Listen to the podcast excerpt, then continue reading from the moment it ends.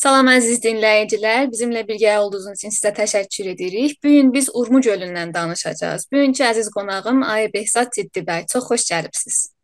Çox xoş gördük Sara xanım. Sağ olun dəvət üçün və çox sevinirəm bir daha bu dialoqda varam. Biz də çox sevinirik. E, sizdən ilk sualımı soruşmaq istəyirəm. Sizcə Urmu gölü niyə quruyur? Mən ilk e, bu sualı, bu sualı dostların hamısı, yəni baxıram dialoqa, dostların hamısı buna toxunurlar. Çox genel bir şeylərə toxunurlar. Mən bir qayıdıram bir iqtisadi yönünə bir baxam. Bir saxtarı bir səbəbi var. Bu saxtarı səbəbi də mən e, təqribən bir keçən il bir ətək yazıya bir yazı vermişdim. Əcəmoğlu deyə bir ekonomist var, tanınmış bir iqtisadçı var burada. O bir kitab yazıb, e, niyə bəzi millətlər çökürlər. O kitabda çox diqqətlə, yəni 100 ildən artıq deytanı dünya səviyyəsində deyta yığır, araşdırır və orada qəşəng göstərir ki, niyə bəzi millətlər çökürlər. Yəni bəzi millətlər sirvətli olurlar, bəziləri yoxsul olurlar. Misal üçün, niyə Meksikililər və Amerikalılar ikisi eyni qarradadırlar, eyni kontinentdədirlər, eyni bölgədə yaşayırlar e, nə bilim iqlim şəraitləri eynidir. Eynən İranla Türkiyə kimi iqlim şəraitləri eynidir. Bu məsələyə toxunacağıq sonra Urmu gölü məsələsinə gələndə. Nədən Meksikalılar o vəziyyətdə olur? Ancaq Amerikalılar çox ə, e, gəlişmiş, pullu və sərvətli olurlar. Nədən məsələn Amerikalıların orta gəliri Meksikalıların 10 qatıdır. Bu məsələni Əsəm Əcəmoğlu araşdırır İqtisadçıların arasında Əcamoğlunun bu araşdırmasından qabaq bir e, yerinə oturmuş bir fikir vardı. E, hamı bu məsələnin əsas səbəbin kültürel məsələlərə bağlayırdı iqtisadçıların hamısı. Ya bölgənin potansiyellərinə deyirdilər ki, əsas bölgənin potansiyelləri, orada olan iqtisadi e, maneələr, oranın kültürünün fərqli olması, nə bilim bu bunlardan qaynaqlanır millətlərin yoxsul olması. Ancaq e, Əcamoğlu gəlir 200 il 100 ildən artıq təqribən e, düz xatırımda qalsa 120-130 il data bəzi ölkələrdə 200 ilə yaxın data yığır. Sonra araşdırır ki, görsün, misal üçün niyə Quzey Koreya o vəziyyətdədir və xalq təqribən acından ölür, yoxsul durumda və Quzey Koreyada hər bir Koreyalıların Koreyalının ortalama gəliri 20 qat daha artıqdır Quzey Koreyalılardan. Nəticəni gəlir xülasələşdirir və Əcamoğlu deyir ki, bu çox da onların, o millətlərin, o yoxsul millətlərin e, nə deyim, o e, potansiyelləri ilə bağlı deyil, onların kültürləri ilə bağlı deyil. Bunun əsas səbəbi ora hakim olan iqtisadi sistem və siyasi sistemdir. Misal üçün Güney Kore'də və ya Amerikada bir inklusiv sistem var, iqtisadi bir sistem var. İnklusiv dediyimizdə öz dilimizdə əhatəli. Əhatəli sistem necədir? Əhatəli sistem gəlir bölgənin potansiyellərinə baxır, bölgədə olan çıxarlara baxır. Bir azad bazar var. Gəlir oranın potansiyellərin bu e, bazarda olan müəssisələr, institutlar Gəlirlər, araşdırırlar bölgənin potansiyellərin, havasın, nə qədər qazanc potansiyeli var, e, nə yollarla o millətin potansiyelini istifadə edə bilərlər, gələcək nəsilləri nəzərdə alırlar. Çün məmulən e, bir normal bir iqtisadi sistemdə şirkətlər sadəcə sabahı görmürlər. Şirkətlər bəlkə 100 il sonranı düşünürlər. Yəni bu şirkətdə olan və bu iqtisadın içində olan müəssisələr ki var, onlarda işləyən hərəsi 20 il, 30 il işləyəcək, çıxıb gedəcək və o şirkət qalacaq, o şirkətin içində gələcək nəsillər çalışacaq. Onlar o bölgənin yeraltı qaynaqlarını necə yönəltsinlər ki, həm gələcəkdə sorun olmasın, həm indi ən ə, e, yaxşı şəkildə qazanclarını əldə etsinlər. Onlar gəlirlər bu azad, e, yəni inklusiv sistemdə, əhatəli bir sistemdə bölgədəki xalqın, yerli əhalinin potansiyellərinə baxırlar, görürlər hansı sahələrdə yaxşıdırlar, hansı sahədə təxəssüsləri var, o təxəssüslərdən necə istifadə edə bilərlər və ya hətta bölgədə bəzi potansiyel olsa iş qüvvəsi olmasa, yəni məharətli iş qüvvəsi olmasa, bunu necə başqa ölkələrdən gətirmək olar, ya başqa bölgələrdən. Bunun qarşısında, yəni Amerikada və ya şeydə Güney Koreyada hakim olan sistem belə inklusiv bir sistemdir. Bunun qarşısında ekstraktiv sistem var. Ekstraktiv deyəndə e, bir sistemdir ki, sadəcə yeraltı qaynaqları görür. Yeraltı qaynaqları görür və o sistemə, o iqtisadda, yəni yeraltı qaynaqları misal üçün bir e, ekstraktiv sistemdə ya e, bilmirəm Azərbaycancası necə olur ya Türkiyə türkcəsində ingiliscəsi olur ekstraktiv sistem, yəni sadəcə yeraltı qaynaqları çıxartmağa düşünür. Başqa bir şey ona önəmli olan, misal üçün Urmu gölünün ətrafında olan xalqın rifahı deyil. Ya oranın ekonomisi deyil. Ona önəmli olan Urmu gölündə nə qədər litium var, nə qədər duz var. Nə bilim Urmu gölü qurulsa nələr olacaq? E, bunları düşünür. Yəni insanları görmür və orada bölgənin iqtisadını görmür. Sadəcə ona önəmli olan e, dostların birisi elə bu dialoqda deyirdi, dolar e, məzənnəsidir. Yəni do, neçə dollar qazanacaq, qazanacağım bu yeraltı qaynaqlardan. Nəysə, sözümüzə geri qaydanda bu ekstraktiv sistem səbəb olub ekstraktiv ekstraktiv sistem səbəb olub Kuzey Koreya eyni vəziyyətə düşüb. Yəni Kuzey Koreyada azad bazar yoxdur. Müəssisələr, iqtisadda olan, iqtisadda rol oynayan şirkətlər hamısı e, hələ eyni halda Quzey Koreyada bir başqa fərqli də var, fərq də var. Başqa e, məsələn Güney Amerikanın müəssisələri, yəni ekonomisi ilə bir fərqi var. İran kimi e, Quzey Koredə hətta o ekstraktiv, ekstraktiv şirkətlər ki var, onların sahibi də dövlətdir. Yəni dövlət bir mafiya rolu oynayır. E, normalda çalışan iqtisadlarda bir müəss iqtisadi müəssisələr olar, iqtisadda rol oynayan bəxşlər olar. Bu bazar olar. Bazar normalda düzgün çalışar və o qaynaq, yeraltı qaynaqları effektiv şəkildə bu bazarın arasında paylaşır. Yəni istehsal edicilər və o nə deyirlər, istehsal edənlər onların arasında.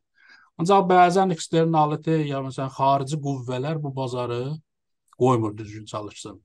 Misal üçün, e, Bu e, yəni misal vurmadan qabaq bunu istəyirəm deyim ki, bu bazar düzgün çalışmayanda, yəni hər yerdə biz görsək bir çevrə problemi var. Yəni orada yeraltı qaynaqlar ya yerüstü qaynaqlar, o təbii qaynaqlar həddən artıq istifadə olunur. Yəni demək ki, bazarda o təbii qaynağın gerçək qiyməti, yəni o bazarda olan qiymət o təbii qaynağın qiymətini göstərmir, daha ucuzdur. Ona görə o ekonomi onu daha artıq ə, e, istifadə eləyir və yeraltı qaynaqları aradan aparır. Urmu məsələsində də biz eyni məsələ ilə qarşı-qarşıyıq. Yəni orada bölgədə çalışan bazar yoxdur. Çalışan bazar keçmişdə olsa da, keçmiş 40 ildə xarici qüvvələr gəlib bu çalışan bazarı aradan aparıb. İndi bu danışdığım, yəni qarşıda artıq misal vuracağam, açıqlayacağam ki, nədən bu bazar çalışmır. Sonra düzgün siyasi sistem yoxdur. Yəni normal ekonomilərdə bazar çalışmayanda dövlətə zəmin yaradır, gəlsin, bazarın o çalışmayan yönlərini düzəltsin. Yəni yardım etsin, bazar daha düzgün çalışsın. Ancaq e, İran kimi ekonomilərdə ya Kuzey Koreyada ya Meksikoda bütün sistem ekstraktivdir. Yəni dövlətə və və o iqtisadi müəssisələrə önəmli deyil orada hansı potansiyellər var, necə onları faydalana bilərlər və sadəcə dedim, o yeraltı qaynaqları görürlər və onu necə çıxardıb elə xam şəkildə xarica sadir edə bilərlər. Bunun e, bu müəssisələr belə bir sistemdə heç düşünmürlər ki, biz bölgədə elə bir sistem yaradaq ki, yaradaq ki, o added value deyirlər də, o e, bölgənin iqtisadiyyatına bir e, səmərəsi olsun və bu yeraltı qaynaqları bu xam haldan başqa bir maddələrə çevirək, bir ekonomi dolansın və bölgədə olan işsizlərə iş tapılsın, onlar işləsinlər və və onların o bölgənin ekonomisi fırlansın. Bunlar onu düşünmürlər. Bunlar deyirlər ki, çıxardaq aparaq və son hədəfimiz e, bizim ideolojidir və ideolojimizə sadəcə ehtiyacdır. Yəni altyapı bir o qədər də lazım deyil. Niyə ki, buna hamımız yaxşı bilirik ki, İranda bir rant dövlət var. Rant dövlətində bunu dəfələrcə mən e, e, vurğulamışam. Bu rant dövlətə, yəni bu günə qədər, baxsaz neçə il bundan qabağa qədər heç vergi də almazdı. E, yəni cəmiyyətdən heç vergi də almazdı. Yəni nəftdən, nəfti satardı. Nəftdən hər şey təmin olunardı. Bir o qədər də millətə və ya bölgənin iqtisadiyyatını gəlişdirməyə ehtiyacı yox idi.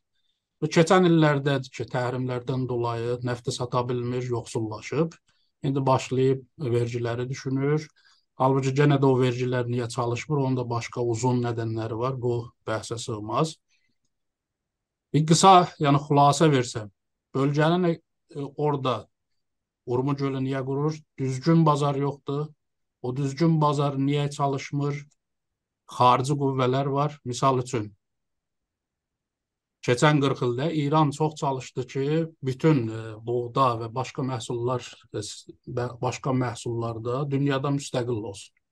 Bunu 40 ildə biz uşaqlıqdan eşidirik ki, biz bu il buğdadan müstəqil olduq, gələn il müstəqil olacağıq. O səbəb oldu ki, art, yəni o e, dostların hamısı işarə eləyiblər. Həddən artıq sədlər vurulsun, ondan sonra onları çalışsınlar bu əkinçilikdə istifadə eləsinlər və Demək ki, o cəmiyyət art artımı ki var idi keçən 40 44 ildə İran cəmiyyəti təqribən 3 bərabər olub. Bu 3 bərabər cəmiyyətin yeməyini təmin etmək üçün və xariclə də siyasi problemi var, eləyə bilmirdi. Vardata çox dayansın. Çalışdı müstəqil olsun. Təbiətən İranda üçün iki bölgə, təqribən iki bölgə var ki, əkinçiliyə potansiyeli yüksəkdir. Biri Azərbaycandır, biri də Xuzistan. Baxsaz da e, İranın əkinçiliyinin əsas böyük hissəsi bu iki bölgədən gəlir. Və cəmiyyət harda çoxalmışdı? Mərkəzdə. Mərkəzdə zaten o potensial yoxdur. Quruluq var, susuzluq var, e, su yetirmək olmurdu, əkinçilik gəlişə bilməzdi. O mərkəzin cəmiyyətinin artımının yükü düşdü Azərbaycanla e, Əhvaz bölgəsinə və səbəb oldu ki, bu yeraltı sular həddən artıq istifadə olunsun. Yəni o yerin, yəni o yeraltı sular potansiyelindən izafə götürüldü və səbəb oldu Urmu gölü qurumağa başlasın. Sonra onun yanında düzgün siyasi bir sistem olmadı ki, hətta bu problemi bir problem kimi görsün. Keçmiş 25 ildə biz görürük ki, nə qədər biz etiraz etsək də bunu hakimiyyət bir problem kimi görmür. Yəni görmür, istəmir də görsün. Ən azı hakimiyyətin rəftarı bunu göstərir. Bir də düzgün çalışan qanun yoxdur. Misal üçün, e, hakimiyyət gəlsə, birdən bu quyuları qədəğən eləsə də, yəni gəlsə quyuları doldurmaq e, istəsə də, kimin quyusunu dolduracaq? Sonra nə bilim, fasid bir sistem var, mafiyai bir sistem var. Məsələn, bu quyuların neçə faizi normal bir e, nə deyim, vətəndaş əkinçinin quyusudur. Eşit, ortada bir statistik yox. Biz hardan bilirik bu quyuların neçə faizi Sipahın mafiyalarının əlindədir? Bunun nə qədəsi əkinçilikdə kullanılır? Hakimiyyət elə bir söz atır vəsətə, biz də onu fakt kimi götürürük ki, Urmu gölünün quruması ilə əkinçilər səbəb olub. Daha artıq quyu qazıblar. Ancaq heç vaxt araşdırmırıq ki, bu quyular niyə qazılıb? Kim qazıb? Mafiyalar necə qazıblar? Yəni e, nə üçün qazıb? Neçə dərsədi bu mafiyalarındır? Hakimiyyət istəsə, Urmu gölü məsələsini həll eləsə, həll eləsin, Aya hazırdır bu, bu Sipahan içində olan mafiyaları çalışa çəksin ya yox? Bunların hamısı böyük suallarda araşdırmaq lazımdır. Məncə e, elə yəni qısa desəm, düzgün bazarın, yəni bazarın düzgün çalışmaması, çalışan siyasi sistemin olmaması və üçüncüsü e, düzgün qanunun hakim olmaması. Bir dənə misal vurum, bitirim bu hissəni. Mənim şəxsi təcrübəm və şəxsi müşahidələrim. Bizim bölgədə təbiətən o quyunun qazılmasının əmri Tehrandan gəlmir. Tehrandan rəisi zəng eləmir ki, filan kəsə icazə verin quyu qazsın. Bizim öz nümayəndələrimiz təbliğat olanda ki, əksərən sifahidələr, əksərən sistemə bağlıdırlar. Yəni zaten sistemə bağlı olmasalar nümayəndə ola bilməzlər. Onlar gəlirlər, hər nümayəndəliyə şirkət eləyəndə bir o bölgənin o ağsaqqalları ki var və nə deyim, adamları çoxdur, rəy sayları çoxdur, nə, ə, e, çənə vurmaq gücləri var. Onlara söz verirlər ki, siz mənə rəy verin, mən sizin yerlərinizi sulu eləyəcəm demdən çıxardacağım, sul eləyəcəm. Onun nəticəsində elə məsələn e, dostlarımız işarə etdiyi kimi yüz minlərcə quyu var onun gölünün ətrafında. Onun da hamısı ilə o nümayəndələrin həddən artıq qanundan üstün olmalarının səbəbi, qanundan üstündürlər. Yəni İranda özünüz bilirsiniz ki, qanunla rabitələr qanundan üstündür. Hətta bu gün qanun qanun keçilsə də, mən çox danışıram, çox bağışlayın. Qanun keçsə də, qanun olsa da ki, məsələn, bu gün quyuları bastırırıq. Təbiətən o sistem o qədər fasiddir ki, o mafiyalar bir yollar tapacaqlar ki, o quyular, quyuların saxlasınlar. Sadəcə o normal bir e, yoxsul əkincisidir ki, bu vəsətdə ziyan görəcək. Deməli bu ki, üç dənə şey təkid edirəm. Bir, düzgün bazarın olmaması, ikincisi çalışan siyasi sistemin olmaması və siyasi sistem bu məsələnin bir hissəsidir. Siyasi sistemi bu məsələdən ayırmaq olmaz. Hətta iqtisadla siyasəti ayırmaq olmaz. İqtisad düzgün çalışmaq üçün yanaşı onunla bir düzgün siyasi sistem lazımdır və düzgün məhkəmə sistemi və qanun lazımdır. Bunların heç birisi İranda yoxdur təəssüflə və bu səbəb olur ki, Urmu gölü quruyur və bunun e, bu günə qədər nə deyim, çıxış yolu da biz nə qədər etiraz etsək, et, etsək də bu məsələni həll eləyə bilməmişik. Əsas dedim bu üç dənə əsas e, amillərin çalışmamasıdır. Yenə də detallı danışa bilərik. Əlbəttə, çox sağ olun. Mən etirazlar demişkən, e, ikinci suala keçmək istəyirəm. E, keçən illərdə e, Urmuc gölünə bağlı etirazlar oldu, amma zəif keçdi. E, bu ildə oldu, amma yenə bu ildə çox zəif keçdi. E, siz də sizcə bunun e, bir iqtisadi bir nədəni varmı bir iqtisaddan olaraq? Bunun çoxlu səbəbləri var. Mən neçəsinə bir işarə edim. Əsas səbəblərdən misal üçün e, baxsaq e, bizdə etirazların mahiyyəti biraz ya e, nə deyim, bizdə kürdlərlə biraz fərqlidir. Kürdlər bizlərdən daha rahat etirazlar edə bilirlər və hətta qeyri-mədəni yollara başvura bilirlər. Onun əsas səbəbi kürdlərin e, olduğu bölgələrin potansiyelindən gəlir. Zaten Azərbaycanla müqayisədə eləyən, müqayisə etsək, Azərbaycanın ekonomisi çox yüksək səviyyədə. İki, iki böyük sektor var Azərbaycanda. Birincisi əkinçilikdir, ikincisi servis bölümüdür. Servis bölümü deyəndə idarələrdir, idarə sistemi. Yaxşı. Kürdlərdə əkinçilik biraz zəifdir, yəni o coğrafi olaraq Azərbaycanla müqayisə edən edədə. Və bunların zaten cəmiyyətləri az olduğundan və biraz da dini, məzhəbi fərqli olduğundan hakimiyyətdən biraz fasilə açıb yeraltı qaynaqlar istifadə edirlər. Yəni yeraltı fəaliyyətlərlə məşğuldurlar. O yeraltı fəaliyyətlər bunlara bir azadçılığı verir ki, etirazlarının mahiyyəti fərqli olsun. Ancaq Azərbaycana gəldiyimizdə Azərbaycanda dövlət çox böyükdür. Yəni qorxma, statistik yox, ancaq məncə baxsaq Azərbaycanın sadəcə bir Təbrizi çıxsaq, bəlkə Urumda da bir kiçik hissə sənaye sektoru təqribən yoxdur. Yəni şəhərlərin heç birisində. Və Azərbaycanlılar hardadılar? Sənayedə yoxdular, harda çalışırlar? Bir əkinçilikdir, ikincisi servis. Servis deyəndə idarə sistemi. İdarə sistemində olduğun Kürdlərdə məsələn idarə sistemində çalışanların sayısı bizdən müqayisədə fövqəladə azdır. Ancaq bizim millətin çox böyük hissəsi dövlətə çalışır. Bu birincisi. Hətta mötəriz olsalar da, hətta şəraitdən razı olmasalar da, O dövlətə işlədikləri halda təbiətən bunların maaşları dövlətə bağlı olur və bu maaşlar dövlətə bağlı olmaq istər-istəməz bu etiraz ruhunu o millətin bir hissəsindən alır. Gəlir qalır kənd, kəndlər və kəndlərdə məmulən belə bir baxış var ki, kəndlilər müstəqil ola bilərlər. Yəni sadəcə əkin əkirlər. Nə bilim, e, dövlətə bir o qədər də ehtiyacları yoxdur. Halbuki keçmiş 40 ildə biz baxsaq, bu trendə baxsaq, keçmiş 40 ildə hakimiyyət yumuşaq siyasətlərlə bütün kəndləri özünə bağlı eləyib. Hətta o kəndlilərin əkdiyi toxumu da və hətta e, nə bilim kəndlilərin o ununu da səhmiyyə ilə verir. Yəni kəndlilər yenə də o maaşlarını təmin etmək üçün dövlətə bağlılar bizim bölgədə. Kürdlərdə biraz fərqli ola bilər, Bəluçlarda biraz fərqli ola bilər. Bu istər-istəməz bizim millətdən bu etiraz ruhunu alır. Bu birinci səbəb. İkinci səbəb iqtisadda bir bəhs var. Deyirlər ki, insanlar, yəni iqtisadın əsas ə, əsaslarından biri rasional olmaqdır, rasional məntiqi, məntiq.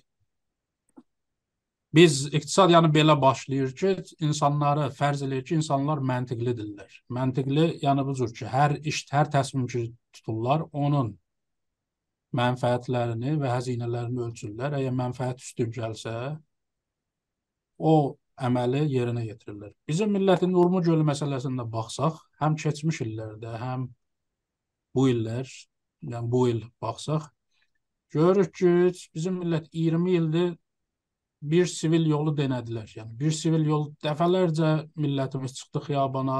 Hələ sözüm yox, güclü, gücsüz çıxdılar, etiraz edən oldu. Və bu etirazlarda, nə bilim, yüzlərcə insan zindan hökmü yedi. Bə toplasaq bəlkə 300 ildən çox zindan çəkən var bu göl haqda. Ancaq 20 il keçir, 20 ildə Urmu gölünün halında heç bir gəlişmə olmadı ki, heç Urmu gölünün halı geriyə gedir.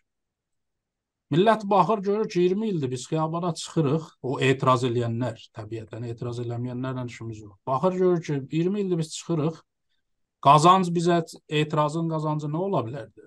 Yəni məntiqi baxsaq qazancı bu ilki Urmuc gölünün məsələsi həll olsun. Yəni dövlətdə bir intihaf olsun. Dövlət gəlsin məsələni bizim etirazların sivil halda gəlsin, bizim sivil etirazların nəticəsində gəlsin məsələni həll etsin. Halbuki nə təkcə bu Urmuc gölü məsələsində biz keçmiş 44 ildə heç bir sivil məsələdə görməmişik ki, İran hakimiyyəti özündən bir intaf göstərsin və ya bir məsələni sivil yollarla həll eləsin. Şəxsən mən tanımıram. Bəlkə bəzi dostlar deyər ki, həm Xordad 85 Xordadın 80 yəni 85-i Xordad ayında etirazlarda millət çıxdı, etiraz elədi, həm İran dərgisi qəzetəsi bağlandı, nə bilim o Manan Estanını nə işdən aldılar, nə belə-belə sözlər deyə bilər. Ancaq onun e, bir Xəzinəsi dövlət o bir o qədər yox idi və çoxlu siyasi şou halı var idi. İkincisi də e, yəni üstə-üstə desə xəzinə fürsət bəhsi var iqtisadda. Hər insan ya hər dövlət bir işi görəndə onun e, ingilisdə cost benefit olur, farsı ya Azərbaycandası faydaları ilə e, şeylərin ölçür də ziyanların və alternativ iş görür alternativlərin ölçür. Hakimiyyət baxır, biraz bir an özümüzü hakimiyyətin yerinə qoysaq, ekstraktiv hakimiyyət, mənə fəqət bir qaynaq mühümdür, yeraltı qaynaqlar, xalq nə olur olsun, millət necə taracı olur olsun, nə işim var, belə düşünür. Baxır görür, mən bu Urmu, göl, Urmu gölünü diriltmək üçün bu qədər həzinə sərf eləməliyəm. Qazancı mənə nədir? Orada bölgədə olan millətin nə bilim sağlığı, nə oranın ekonomisinin sağlığı ki, mənim ekonomimdə bir o qədər də oxumur. Yəni orada bütün əkinçilik sistemi düzgün işləsə belə nə yazar nəftlə müqayisədə.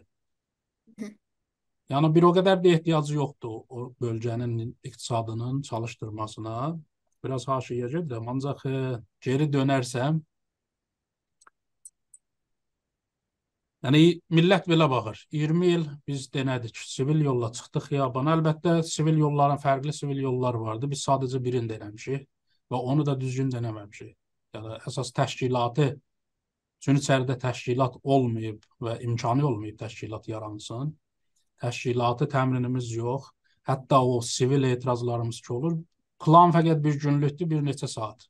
Çıxırıq, hakimiyyətdə 40 44 44 ildə öyrənib də bilir. Nəhayət mən bir var milyardlar dolar pul xərcləyəm, Urmuc gölünü dirildəm. Onun qarşısında nəhayəti budur ki, dibi yap sonunda xalq çıxacaq xiyabana 4 saat etiraz eləyəm. Mən də bir ikisini vuracağam, 5-10 tutacağam.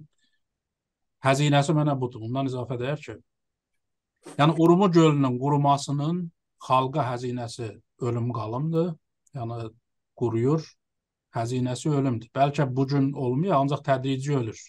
Çünki Azərbaycanda bizim ikinci bir sektorumuz yoxdur. İkinci sənaye yoxumuzdur. Orada millət e, əkinçiliyi əldə verən, əldən verəndən sonra köçmək məcburiyyətindədir. Hakimiyyətə heç bir həzinəsi yoxdur. Yəni həzinəsi çox aşağıdır. Etirazlardan bizim hədəfimiz budur ki, hakimiyyətə həzinəni çoxaldaq. Ancaq təəssüflə bu günə qədər onu başarmamışıq. Hakimiyyət də baxır mənfəətlərin, həzinələrin ölçür, görür ki, bir o qədər də həzinəsi yoxdur. 5-10 nəfər tutacaq 4 saat, 5 saat. Sonra hər şey yatacaq. Yəni nə etirazımız düzgün olub, etiraz olub, ancaq etirazımız yəni sistematik olmayıb. Sistematik olmayanda da nəticə bu olur ki, 20 il etirazdan sonra heç bir nəticə görmürük. Heç şərait daha da daha geridə. Yəni müqayisə etsək 20 il bundan öncə ilə Urmuc gölünün vəziyyəti daha da pis vəziyyətdə. Nəysə mən çalışdım bir qısa danışım, ancaq uzun danışıram. Çox üzr istəyirəm. Problem deyil. Onda bəs mən üçüncü suala keçim. E, indi bizim çıxış yolumuz nədir və ya çıxış yolu varmı bundan? Mən bu sualı çox düşünmüşəm. Yəni dəfələrcə nə edə bilərik? Çox e, bəzən bir işarə elədim. Bəzən biz insanların bir xasiyyəti var.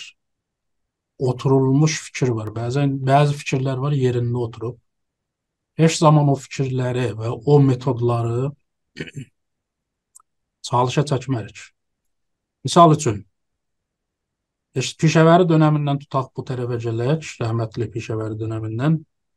Bütün sivil etirazlara baxsaq, e, sivil etirazların fərqli yollarında bir çox denəməmişik biz. Yəni baxsaq elə etiraz adı gələndə elə bəyanıyə verilir. Çıx millət çıxsın xiyabana, bir tədad şüarlar versin, sonra hakimiyyət bir tədadını tutsun, bir tədadını zindana məhkum eləsin, bir bir tədadını işgəncə eləsin, bəziləri də canın saxları etirazlardan bir şey olmur.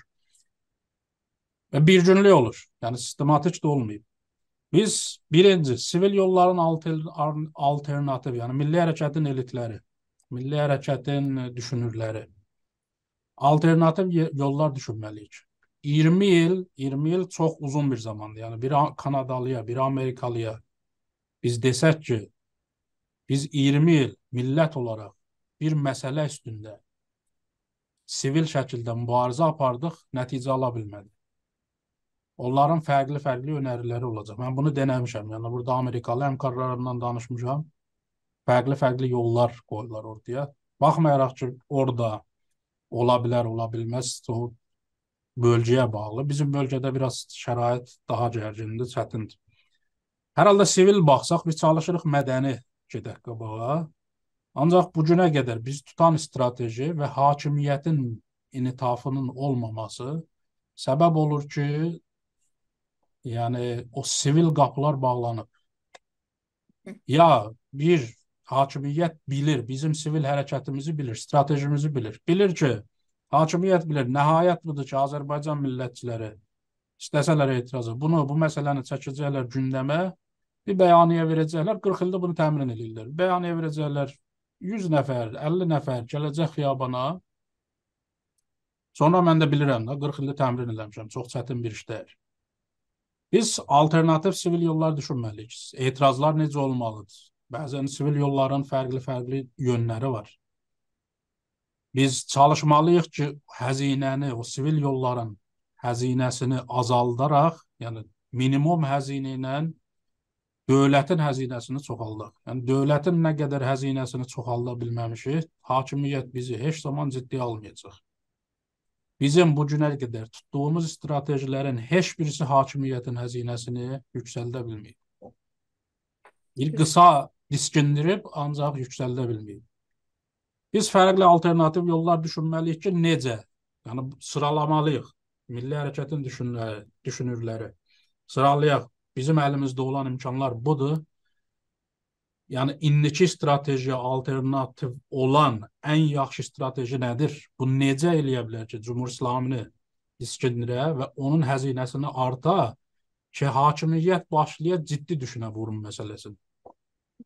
Bunları düşünməliyik və başqa mənim bəlkə bir, bir fikrim də var, bəlkə dostların bir çoxu qarşı ola.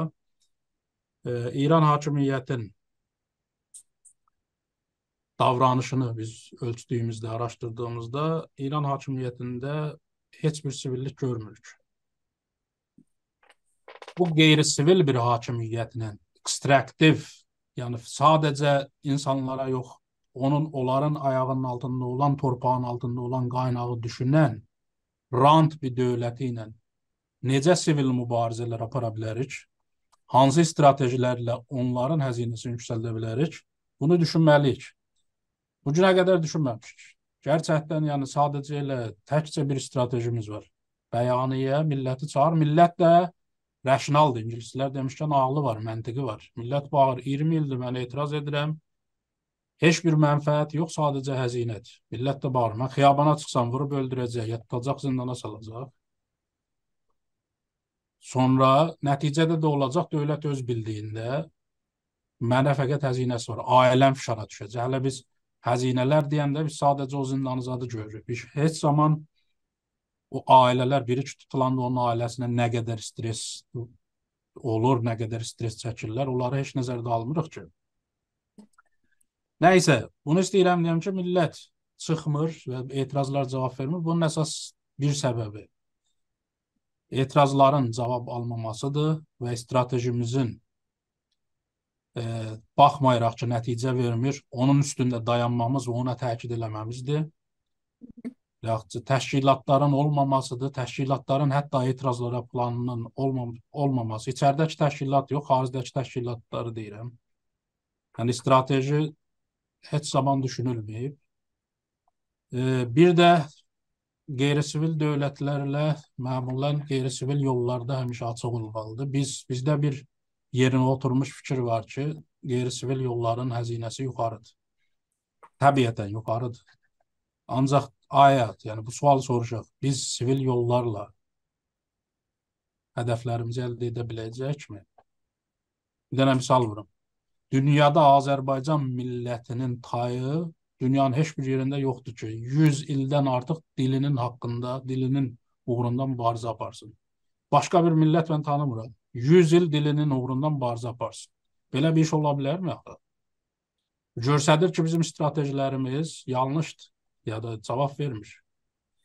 Nəysə, millətin məncə gücləndirmək üçün etirazları və e, yəni çıxış yolumuz daha doğrusu təbiətən çıxış yolunu mən bunda görürəm ki, fərqli-fərqli yollarla dövlətə həzinəni yüksəltməliyik. Həzinə yüksək olandan sonra dövlət başlayacaq bizi ciddi alsın.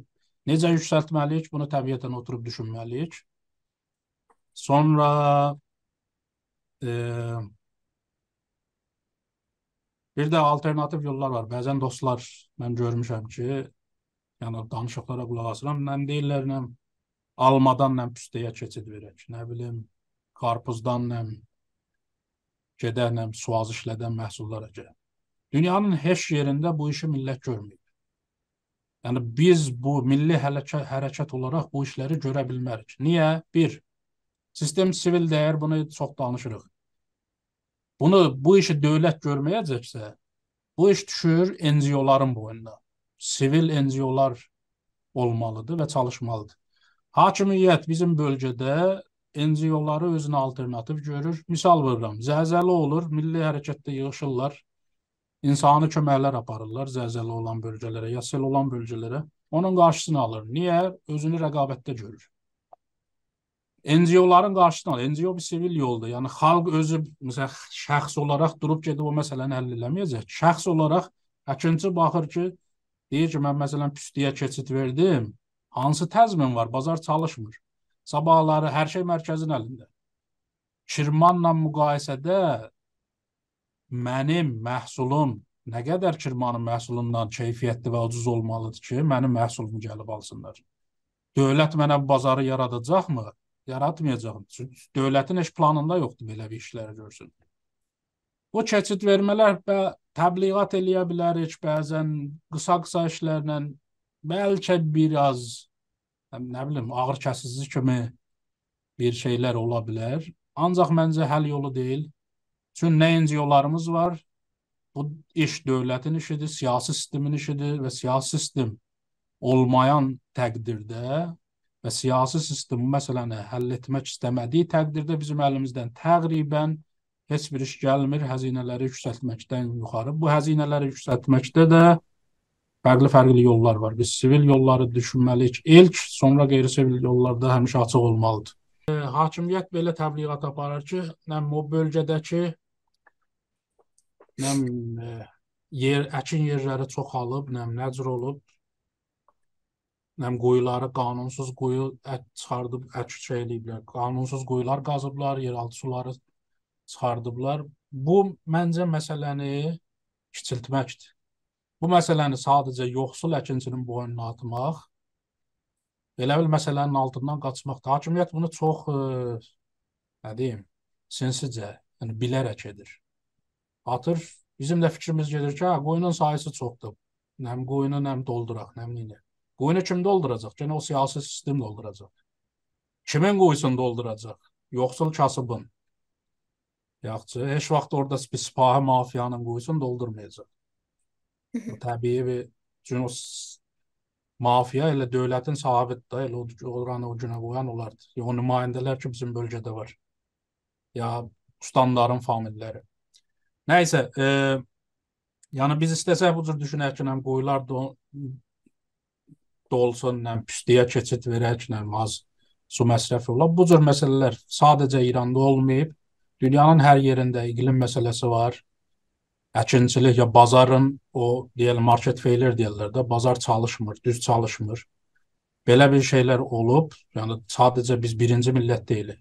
Onların təcrübələrindən istifadə etməliyik. Bunu sistem olaraq gərək dövləti məcbur eləyək ki, buna keçid versin və bu məsələni ciddiyə alsın və e, nə bilim həll etməsini düşünsün. E, misal vuracaqdım. Yəni buranı istəyirəm, misal vuram. Bu dövlət məsələsidir. Yəni dövlətin misal üçün Amerikada əkinçinin zatı belədir. Baxır biçim vaxtı baxır məhsulun qiymətinə, görür nə qədər baha gedir. O qiymətə əsasən gələn ilinin qərarını nə əksin, nə etsin, onun qərarını bu ilin qiymətlərinə əsasən tutur. Biz çox görürük. Məsələn, Muğanda bir il pomidor əkirlər, hamı pomidor əkir. Biçin vaxtına gələndə o qədər pomidor çoxdur ki, tərəf o əkinçi qoyduğu pulu götürə bilmir. Heç o kargərin pulunu ödəmir ki, o biçin. Bu kargəri zaten əkinçinin, yəni bu əkinçilikdən ayrılmaz bir hissədir. Bunu dövlətlər yönədirlər. Dövlətlər gəlirlər. Biz düzgün çalışan sistem məsələn Amerikada, Kanadada, Avropada Misal üçün mən olduğum əyalətdə elə şeydir, hə, çevrə problemi var. Misal üçün o qədər gübrə işlədiblər. Yeraltı suların hamısı e, şey olub, e, nitrojenlə doludur. Yəni sərətan tedadı çoxalıb bölgədə. İndi bir dövlətdir ki, gəlib bölgənin universitetlərinə milyardlar dollar büdcə verib ekip düzəldib, araşdırırlar və bu gübrədən keçid verirlər başqa alternativ yollara. Ya misal üçün bu əyalətdə mən olduğum bölgədə ya Kanadada ya Avropada əkinçilərin bir çoxu hətta 3 il bundan sonrakı məhsulun satıbdır. Futures market deyə bir şey var. Düzdür. Bugünkü məhsulun 3 ilin 3 il 3 ilki məhsulun satıbdır və bir sığorta sistemi də var ki, məsələn 3 il sonra deyək ki, məsələn bir yağıntı olmadı ya bir qasırğa gəldi, bütün məhsullar aradan getdi. Bir sığorta sistemi var ki, o əkinçiliyin, o əkinçilərin o 3 il sonrakı satışını təmin eləyir. Yəni bir əkinçi o riski yaşamır. Bu sistemi dövlət yaratmalıdır. Bu sistemi biz nə qədər istəsək də, hətta əlimizdə nə qədər ictimai güc olsa da biz bunu edə bilməyəcəyik. Ona görə məncə bu nə püstəyə keçid çatdı çox müvəqqəti kiçik bir məsələlərdir. Bu məsələni çözməyəcək. Sadəcə bir çox yolu, çıxış yolu var. Dövlətə xəzinəni yüksəltmək fərqli-fərqli yollarla. Mən çox danışdım, üzr diləyirəm. Sözdə. Çox təşəkkür edirəm Behzad bəy, çox dəyərli bilgiləriniz üçün, bizə vaxt ayırdığınız üçün. Son olaraq izləyici izləyicilərimizə bir şey demək istəyirsiniz? Özəl bir sözüm yox. Çox sağ olun. Yəni əgər dinləyirsinizsə, vaxt qoyub dinlədiyiniz üçün çox sağ olun və ümid edirəm bir gün Urmu gölünün, yəni indiki durumdan çıxarda bilək millət olaraq və o günü qutlayaq. İnşallah. Çox sağ olun Behzad bəy. Əziz dinləyicilərimiz, siz də çox sağ olun bizimlə birgə olduğunuz üçün. Bugünkü intervyumuzu burada bitiririk.